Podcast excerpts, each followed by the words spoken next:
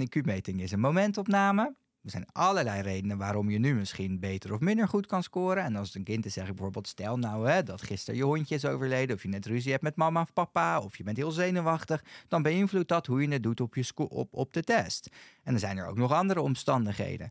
Hij heeft ook nog te maken met hoe ik hem score, hoe iemand anders het zou interpreteren. Nou, en om die fouten mogelijke fouten in ieder geval te kunnen uitfilteren, gebruiken we eigenlijk een range, dus een rijkwijde. Hè? Twee verschillende scores en in die range, daar valt dan je echte score in. Welkom bij de Pearson Podcast. In deze podcast nemen we je mee in de wereld van diagnostiek en behandeling binnen de geestelijke gezondheidszorg. Ik ben Meerte Wildenbeest, psycholoog en productadviseur bij Pearson en ik interview professionals uit het werkveld om antwoord te geven op vele brandende vragen.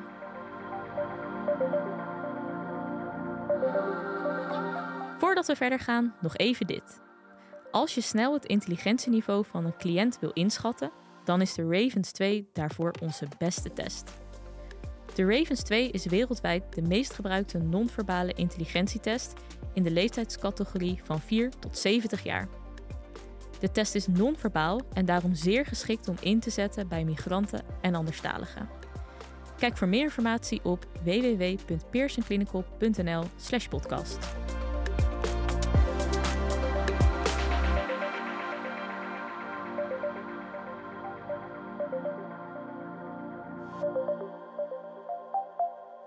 bij deze aflevering van de Pearson Podcast. Uh, we hebben vandaag weer een, een, vraag die we gaan beantwoorden. Dat is namelijk: hoe leg je het begrip intelligentie en een intelligentieonderzoek uit in een adviesgesprek? En uh, degene die deze vraag gaat beantwoorden, dat is Bart Vogelaar. Hij zit hier uh, tegenover mij. Welkom Bart, leuk dat je er bent. Dankjewel. En uh, misschien kan je jezelf even kort voorstellen. Nou, mijn naam is Bart Vogelaar, zoals je al zei. Ik werk bij de Universiteit Leiden, bij de afdeling ontwikkelings- en onderwijspsychologie. En daar doe ik onderzoek onder andere naar intelligentie en uh, potentieel van kinderen, uh, specifiek hoogbegaafde kinderen.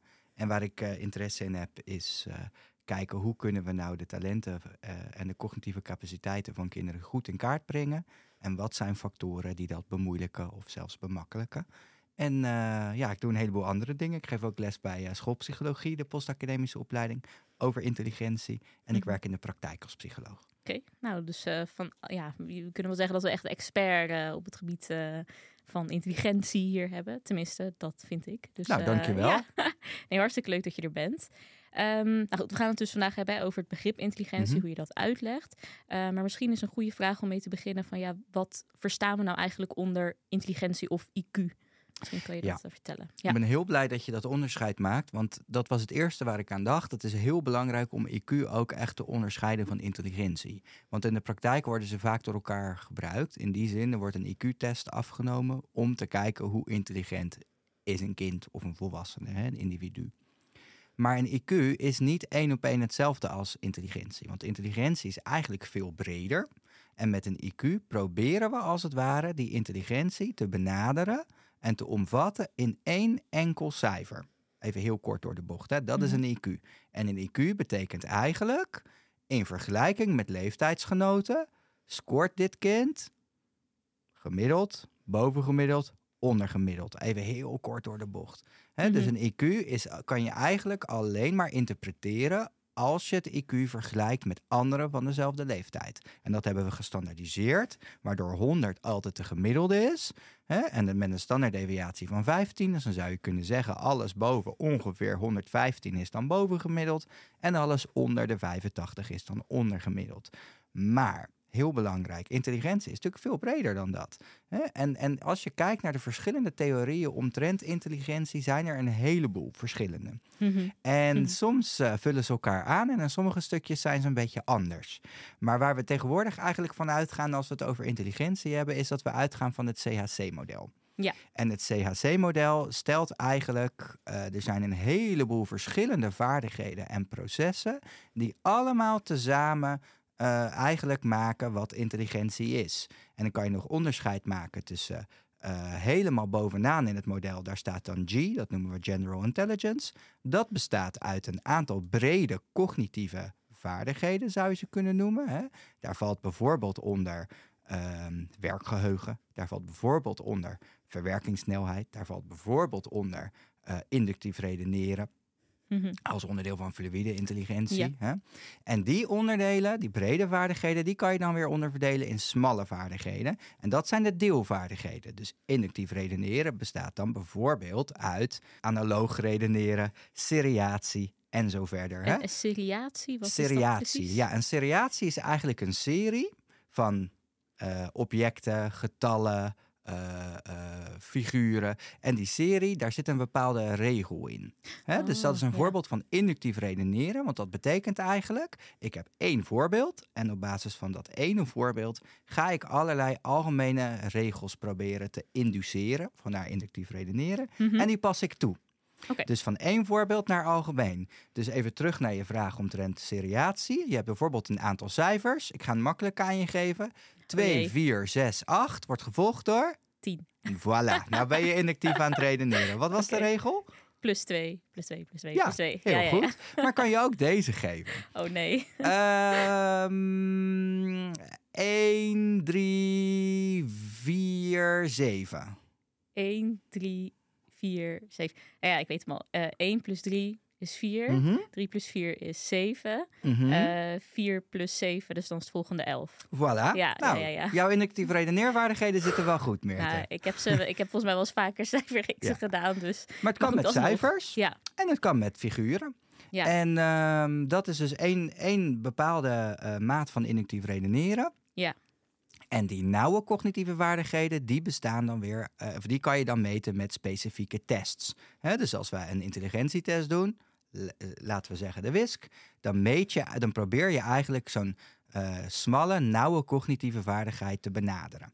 Mhm. En even terugkomen, want het wordt een theoretisch verhaal. Dus we hebben dat CAC-model met een heleboel verschillende vaardigheden en processen. Dat maakt tezamen intelligentie. Mhm. Heel belangrijk daarin is in ieder geval het onderscheid tussen fluïde intelligentie, het leren on the spot, waar je geen uh, um, voorkennis voor nodig hebt. En gekristalliseerde intelligentie, wat meer bestaat uit dingen als feitenkennis, hè, datgene wat ik geleerd heb. Daar heb je natuurlijk wel voorkennis voor nodig. Dat is ook uh, uh, cultureel bepaald. En dan bestaat het ook nog uit een heleboel andere aspecten, zoals die verwerkingssnelheid, zoals dat kunnen redeneren, mm -hmm. zoals kennis uh, van uh, het gelezen en geschreven woord bijvoorbeeld, hè, en so on. Ja. Nou, dat proberen we te benaderen op een IQ-test. En dat doen we door een heel groot aantal subtesten af te nemen, die allemaal een beroep doen op enkele van die vaardigheden waar we het net over hadden. En daaruit, hè, dat, daar doen we dan allerlei mooie berekeningen op. En dat, dat vatten we samen en dat wordt één cijfer en dat is het IQ. Dus dat IQ, dat benadert eigenlijk G, General Intelligence, mm -hmm. maar is natuurlijk een stuk smaller dan dat hele CHC-model. Dus vandaar dat ik het ook heel fijn vind dat je hier eigenlijk mee begint. Want IQ is altijd een benadering. Dus je probeert zo goed mogelijk de intelligentie in kaart te brengen. Dat lukt ook best aardig. Hè? Want allerlei onderzoek laat zien dat een IQ heel robuust is. Dat het ook goed kan voorspellen. Uh, wat kinderen uh, en volwassenen bijvoorbeeld zouden kunnen yeah. bereiken op werk of op school. Dus het is best wel een hele sterke maat. Maar we moeten ons altijd goed uh, um, blijven herinneren. Het is één, een momentopname. En twee, het is een benadering. Dus het is als het ware het topje van de ijsberg. Ja, en nou, nou noem je wel iets interessant, interessants. Want je zei van hè, um, het, het, is op zich een voorspeller hè, voor uh, bijvoorbeeld mm -hmm. academisch succes of nou, noem maar wat. Um, maar soms ja, krijgen wij bij Pearson ook wel eens de vraag van... kan je nou een intelligentieonderzoek ook inzetten om uh, schooladvies te geven? Um, werkt dat ook zo? Dus dat je bijvoorbeeld zegt, nou, uh, IQ uh, 100, dus gemiddeld, dan ga je naar het VMBO. Of uh, IQ 110, nou, dan zit je al wel bij de HAVO. Kan je hem ook zo stellen? Of ja. dat is wel een lastig, lastige ja. vraag, moet ik eerlijk zeggen. Een ja. hele lastige vraag. En daarom is mijn eerste antwoord ja en nee. Daar heb je ja natuurlijk nee. niet zoveel aan. Uh, in die zin kan het. Er zijn ook onderzoeken gedaan waar het ook blijkt hè, dat, uh, dat IQ echt wel voorspellend is voor academisch succes.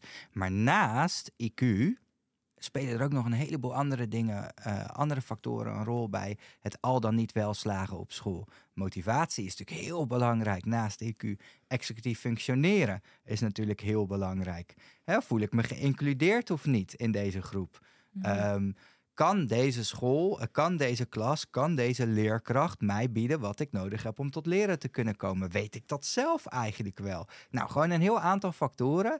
Dus ik zou zeggen, als je naar grote groepen individuen kijkt, ja. Maar als je het probeert toe te spitsen op het individu, is er vaak ook nog meer nodig. Dus het Mhm. kan een eerste indicatie geven.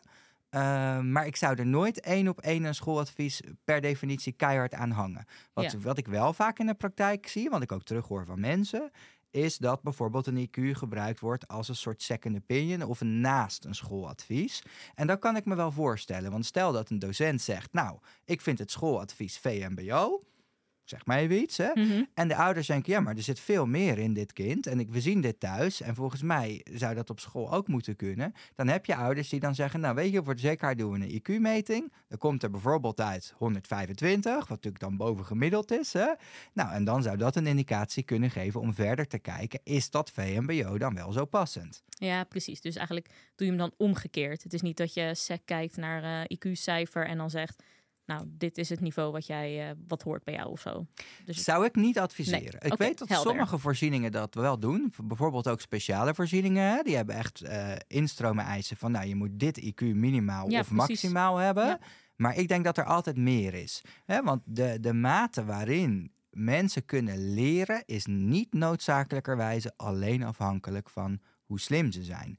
En Mhm. los daarvan, hè, waar we eigenlijk mee begonnen... IQ is een benadering. Dus er zijn ook allerlei redenen te bedenken waardoor dat IQ misschien niet weerspiegelt wat een IQ echt kan. Of Ja. eh, wat een individu echt kan. Ja, ja, oké, helder.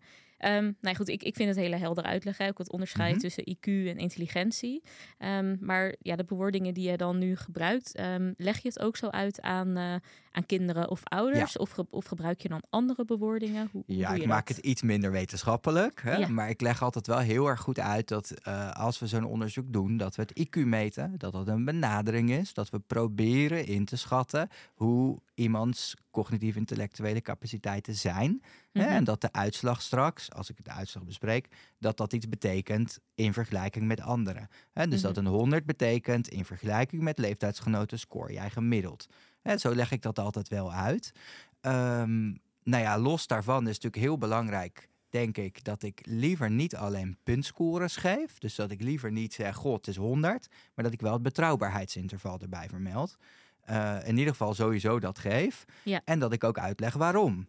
Ja, en hoe, hoe leg je dat dan uit? Nou, dat is een hele goede vraag. hè? En dan zeg ik meestal iets in de trant van, nou, hè, een IQ-meting is een momentopname. Er zijn allerlei redenen waarom je nu misschien beter of minder goed kan scoren. En als het een kind is, zeg ik bijvoorbeeld, stel nou hè, dat gisteren je hondje is overleden, of je net ruzie hebt met mama of papa, of je bent heel zenuwachtig, dan beïnvloedt dat hoe je het doet op, je op, op de test. En dan zijn er ook nog andere omstandigheden.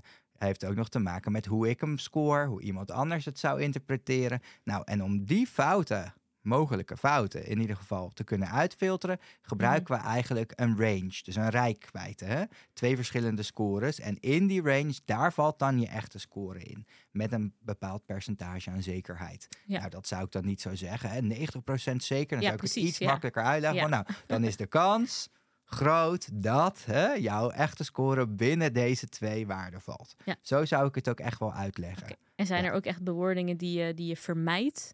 Dus bijvoorbeeld het woord eh, standaarddeviatie of zo. Ja, dat, zou ik niet zo snel zeggen. Nee, Nee. nee. En ik zou eh, ook vermijden te zeggen, dus jouw intelligentie is dit. Ik zou het echt Mm. wel iedere keer heel duidelijk zeggen, dit is een IQ, dat is een benadering. Eh, we proberen daarmee je intelligentie heel goed te meten. Dat kan ook goed, maar hè, er is nog meer. Ja, precies. Dus het is een onderdeel van. Ja, ja, dus het is goed omdat je, dat je dat echt benadrukt. Vind ik Ja. wel. Ja, ja. oké. Want anders doe je kinderen en ook volwassenen trouwens eigenlijk een beetje tekort. Ja. Ehm, want een, een individu is veel meer dan die ene score. Hè? En toen we begonnen met de uitleg van. Toen je me vroeg wat is intelligentie en ik begon over het CAC-model, dan hoor je al hoe complex het is. En hoeveel verschillende vaardigheden en processen er onderdeel van zijn. Ja. En om dat allemaal samen te vatten in één score, ja, dan, dan mis je gewoon een heleboel nuances. En natuurlijk is het zo, hè, ook voor de luisteraars thuis. Ik weet zeker dat een heel groot aantal van jullie dat doen. Natuurlijk is het zo dat je dat ook heel genuanceerd terug wil geven. En dat je ook gaat, gaat zeggen, bijvoorbeeld op basis van hè, de, de verschillende schalen, dat je een sterkte-zwakte-analyse probeert te geven. En dat is Mhm. natuurlijk wat wel heel helpend is. Want Ja. alleen een IQ kan ook wel helpend zijn hoor. Van hè, is ditgene, eh, hè, ehm, ehm, kan dit kind dit niveau op school aan? Nou, op basis van het IQ zouden we zeggen van wel. Dan kan dat heel helpend zijn. Mhm. Maar een IQ zelf geeft natuurlijk nog niet op zichzelf handelingsgericht of eh, input voor handelingsgerichte adviezen. En als je dan een sterkte-zwakte-analyse maakt, samen met bepaalde observaties erbij, hè, dan, dan kom je eigenlijk al een stap verder, denk ik. Dus misschien is dat nog wel nuttiger dan eh, het IQ alleen, zeg Ja, maar. zeker ja, ja. weten. Ja. Hey, en ehm, nou ja, voor, hè, voordat een, een kind een IQ-test of een IQ-onderzoek eh, gaat doen, ehm, ik neem aan dat je dan ook wel wat uitleg geeft over wat het onderzoek inhoudt. Ehm, Ja. Ik heb ook wel eens gehoord dat mensen dan het woord test of onderzoek, dat ze dat vermijden. Mhm. Eh, omdat kinderen dan misschien gaan denken van... hé, hey, het is een test, ik moet een goed cijfer halen of nou, weet ik het. Ja, hoe, hoe, ja, hoe moet ik dat nou zeggen? Hoe ehm, warm jij kinderen op voor zo'n onderzoek? Hoe doe je dat? Ja, dat vind ik altijd een hele lastige. Ehm, en er zijn, zou je kunnen zeggen, grofweg wel twee benaderingen die ik in ieder geval terug heb gezien. Je hebt Mhm. mensen die, die houden het echt zo en die zeggen, nou, hè, het, is, het is een test en eh, ehm, nou, et cetera. En je hebt mensen die zeggen, nou, we gaan vandaag wat taakjes of wat spelletjes doen. Ja. Nou, dat laatste zeg ik nooit. Mhm. Ehm, want het is wel degelijk een serieus iets. En als ik zeg het zijn spelletjes, ja, dat doet natuurlijk wel iets met hoe dat kind het ziet en hoe het kind aan de test begint. Dus ik zeg wel meestal iets in de zin van, nou, vandaag gaan we wat, eh, wat testen doen of gaan we wat taken doen. En eh, probeer maar zo goed mogelijk je best te doen. Iets in die zin. Veel meer dan dat zeg ik er ook eigenlijk niet over, tenzij het kind vragen heeft. Ja. Hè, dan, dan leg ik die uit Ja, ja, oppervlakkig. Ik ga niet te veel erop in, want ook dat kan natuurlijk weer een invloed hebben. Ja, Uh, maar ik vind wel, kijk, als het kind eh, dat graag wil weten, ja, waarom zou je het niet zeggen? Mhm. Alleen ik vind wel belangrijk dat ze ook eh, weten dat ze het serieus moeten nemen. ja. En ook als kinderen bijvoorbeeld tijdens een test vragen van... gaat deze test op tijd? Of eh, heb ik het antwoord goed? Of heb ik het fout? Wat geef je dan eh, Ja. aan? Want het is natuurlijk heel... Ja, Ja, je bent ja. bijna geneigd om dan eh, te zeggen ja of nee. Of nee, je- het was hartstikke goed. Ja, nou, en dat is misschien wel een Ja. van de moeilijkste dingen. Ja. Hè? Want we zijn allemaal ook opgeleid om aan te sluiten bij de cliënt. En we zijn opgeleid om de cliënt zich goed te laten voelen. En je doet dat onderzoek omdat je die cliënt wil helpen. Dus meeste hulpverleners zijn natuurlijk ook helpers. Dus het gaat tegen je natuur in om dan niet te zeggen: ja hoor, je doet het goed. Maar dat, dat kan niet. Want dat is altijd van invloed op de uitkomsten. En je Mhm. moet het, denk ik, zo zuiver mogelijk houden. Dus zoveel mogelijk houden tot de instructie. Eh, zoals het in het boekje staat, zeg Ja. maar. Hè? Zoals het is, eh, is bedoeld. Omdat je anders eigenlijk iets anders gaat meten. Mhm. Maar wat kan je dan wel zeggen als een kind vraagt: eh, heb ik het goed gedaan? Want het is ook gek om Mhm. te negeren en verder te gaan. Wat, wat zeg je dan? Daar mag ik niks op zeggen. Daar mag ik niet. wel eerlijk, ja, het klopt wel. no comment. Ja, Ja, of ik zeg van ja, dan mag ik je nu nog niet zeggen. Nee, oké, dan krijgen ze het achteraf te horen natuurlijk. Dus ja, ja, precies. Ja, ja. En dat vinden ze vaak heel naar. Maar op een gegeven moment kunnen ze daar ook vaak wel mee dealen. Ja, het is wat het is in die zin. Hè? Eigenlijk Ja, wel. Het is ja. wel de realiteit. En dat is op school ook. Hè? Als ze een test doen, eh, terwijl ze bijvoorbeeld een CITO-toets doen of ze doen een keer mondeling iets, is het Mhm. ook over het algemeen niet de bedoeling dat de docent zegt, oh, goed gedaan. Of ten, tenzij het natuurlijk zo'n test is. Maar over het algemeen eh, is dat dan natuurlijk ook niet de bedoeling. Nee, nee, begrijpelijk. Hey, en om even terug te pakken op Mhm. de hoofdvraag. Hè, dus je, eh, hoe leg je het begrip intelligentie of IQ en intelligentieonderzoek uit? Ehm, daar vraag ik me nog over af van ja, hoe gedetailleerd dien je nou te zijn in zo'n adviesgesprek? Ga je eh, het helemaal uitleggen? Ga je een normaalverdeling tekenen? Eh, ja, hoe, hoe eh, gedetailleerd moet het eigenlijk zijn? Ja, dat is heel erg afhankelijk van de hulpvraag. Heel Mhm. erg af- afhankelijk van wie je voor je hebt zitten. Ja. En wat eruit komt. Ehm, ik denk dat een normaalverdeling tekenen altijd helpend kan zijn, omdat heel veel mensen visueel zijn. En om het op, eh, vers- in verschillende modaliteiten, op verschillende manieren te kunnen zien, betekent waarschijnlijk ook dat je het beter kunt begrijpen, kunt toepassen en kunt onthouden. Dus dat kan altijd. En zo'n normaalverdeling is natuurlijk heel beeldend. Dus als je dat ook een beetje uitlegt, kan dat zeker heel helpend zijn. Dus dat raad ik eigenlijk altijd aan. Mhm, Goeie. Ehm, het allerbelangrijkste is dat je niet verzandt in jargon. En als je wel jargon gebruikt, dat je het uitlegt. En dat je iedere keer checkt, begrijpt de cliënt, begrijpt de persoon die voor me zit, wat ik nu eigenlijk vertel. En Mhm. eh, ja, heel al- in algemene termen vind ik het moeilijk om je vraag te beantwoorden. Want het is zo afhankelijk van de hulpvraag. Is de hulpvraag bijvoorbeeld, hè, wat zijn de cognitieve capaciteiten van deze persoon, van dit kind? Ja, dan zou ik misschien wat meer ingaan op hè, de, de sterktes en de zwaktes. Is de, is de Ja. vraag, heeft dit kind dyslexie? En doe je een intelligentiebepaling door middel van de IQ... eh, omdat je wil uitsluiten dat de leesproblemen niet onderdeel zijn van, eh, eh, van, van cognitieve beperkingen, Mhm. zeg maar. Ja, dan zou ik dat misschien iets minder uitgebreid doen. En dan zou ik ook weer op andere factoren letten. Dan zou ik bijvoorbeeld ook weer goed letten op het werkgeheugen en op die verwerkingssnelheid. Mhm. Dus het is echt afhankelijk van eh, wat is de hulpvraag en in hoeverre begrijpt degene die tegenover me zegt wat ik zeg. Dus dat is heel belangrijk. Het blijven checken. Blijven checken. Ja, Ja. ja, ja. En het is niet aan het eind helemaal, maar ook gewoon tussendoor. Van Doe je ik hebt iets meestal wel. Ja. Begrijpen jullie dit? Hebben jullie nog Ja. vragen? Nou, et cetera. Ja. Precies, bijvoorbeeld. Ja. Hè? En, en soms kan het ook veel implicieter, dat je gewoon heel goed oplet hoe iemand reageert. Maar ik vind het zelf altijd fijn om nog even te checken. Van, nou, Ja. hè, ehm, hoe is dit voor je? ja, ook voor, voor jou als professional denk ik goed om te weten Ja. of het is eh, overgekomen. Precies. Hey, en ehm, ja, misschien is het ook een lastige vraag hoor, maar heb jij tijdens de adviesgesprekken die je hebt gegeven, eh, zijn er bepaalde vragen die eigenlijk altijd worden gesteld door ouders of kinderen? Ja. ja, Ja. het begint altijd met, ja, wat is mijn IQ? Wat is mijn Dat IQ? is altijd ja. de eerste vraag. Hè? Ja. En ik zeg soms wel eens, ook als ik eh, eh, supervisie geef, dan zeg ik altijd, joh, je hoeft die verslagen niet heel lang te maken. Want meestal bladert iedereen door naar het IQ en de samenvatting. Dus dat is eigenlijk het meestal het allerbelangrijkste. Ja, en vaak krijg je ook nog wel vragen van, goh, wat betekent dit dan? En moet ik me dan zorgen maken? Hè, maar de meest gestelde vraag is eigenlijk dat ze gewoon willen weten welk cijfertje rolt eruit. Welk cijfertje, ja. Ja. En wat nou als eh, het cijfertje tegenvalt?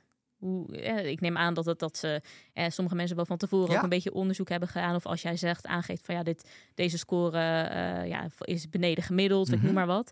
Ehm, ja, ik kan me ook best voorstellen dat dat een tegenvaller kan zijn in die zin.